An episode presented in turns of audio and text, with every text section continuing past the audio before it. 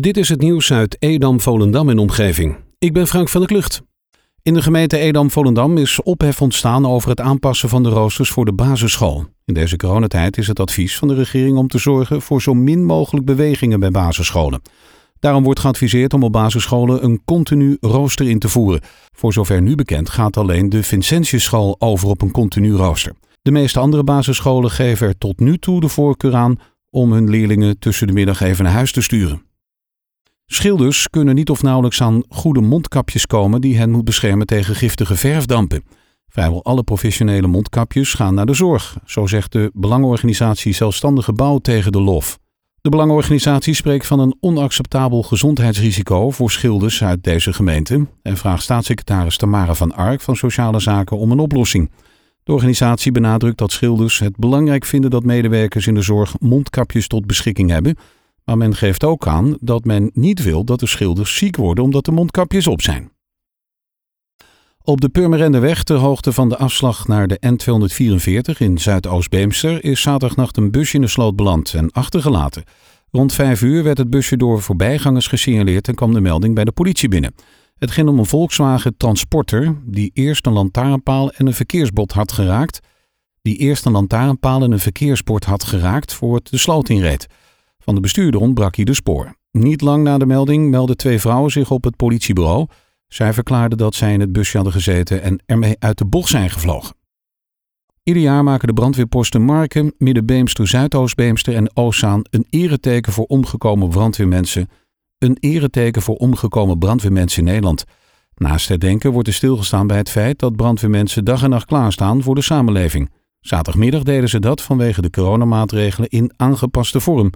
Op de Zuiddijk in Zuidoost-Beemster was rond 1 uur een korte ceremonie zonder publiek. Verder hingen de brandweervlaggen bij alle brandweerposten in deze regio half stok.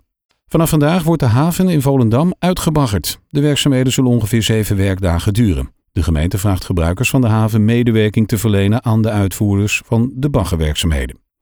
De 80-jarige Kees Stol heeft uit handen van burgemeester Lieke Sievers een zilveren medaille en bijbehorende oorkonde ontvangen van de Koninklijke Maatschappij tot Redding van Drenkelingen.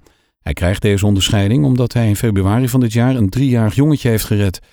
Het kind was in de sloot gevallen. Het jongetje, zijn ouders en broertje waren bij de uitreiking van de medaille aanwezig. Op verschillende plekken zijn gisteren bloemen gelegd als protest tegen de coronamaatregelen. Het is een alternatief voor de demonstratie die zondag op het Malieveld werd gehouden. Burgemeester Remkes verbood afgelopen vrijdag deze demonstratie. Ook een demonstratie in Amsterdam van organisatie Viruswaanzien, die gisteren zou plaatsvinden, mocht ook niet doorgaan. Daarom riep de organisatie op om bloemen neer te leggen bij het plaatselijk gemeentehuis en de vlag half stok te hangen. Onder meer in Edam-Volendam, Oren, Purmerend, Huizen en Amsterdam gaven mensen gehoor aan deze oproep en legden ze bloemen neer bij het gemeentehuis. In Edam wordt bij de kruising van de N247 in het weiland langs de Singelweg een parkeerterrein aangelegd waar de toeristen kunnen parkeren. Ze hoeven dan niet meer de binnenstad in te rijden, waardoor de verkeersdrukte dan afneemt. Aannemersbedrijf Huiberts BV heeft de opdracht gekregen om de grondwerkzaamheden te verrichten, waarmee deze week een start is gemaakt.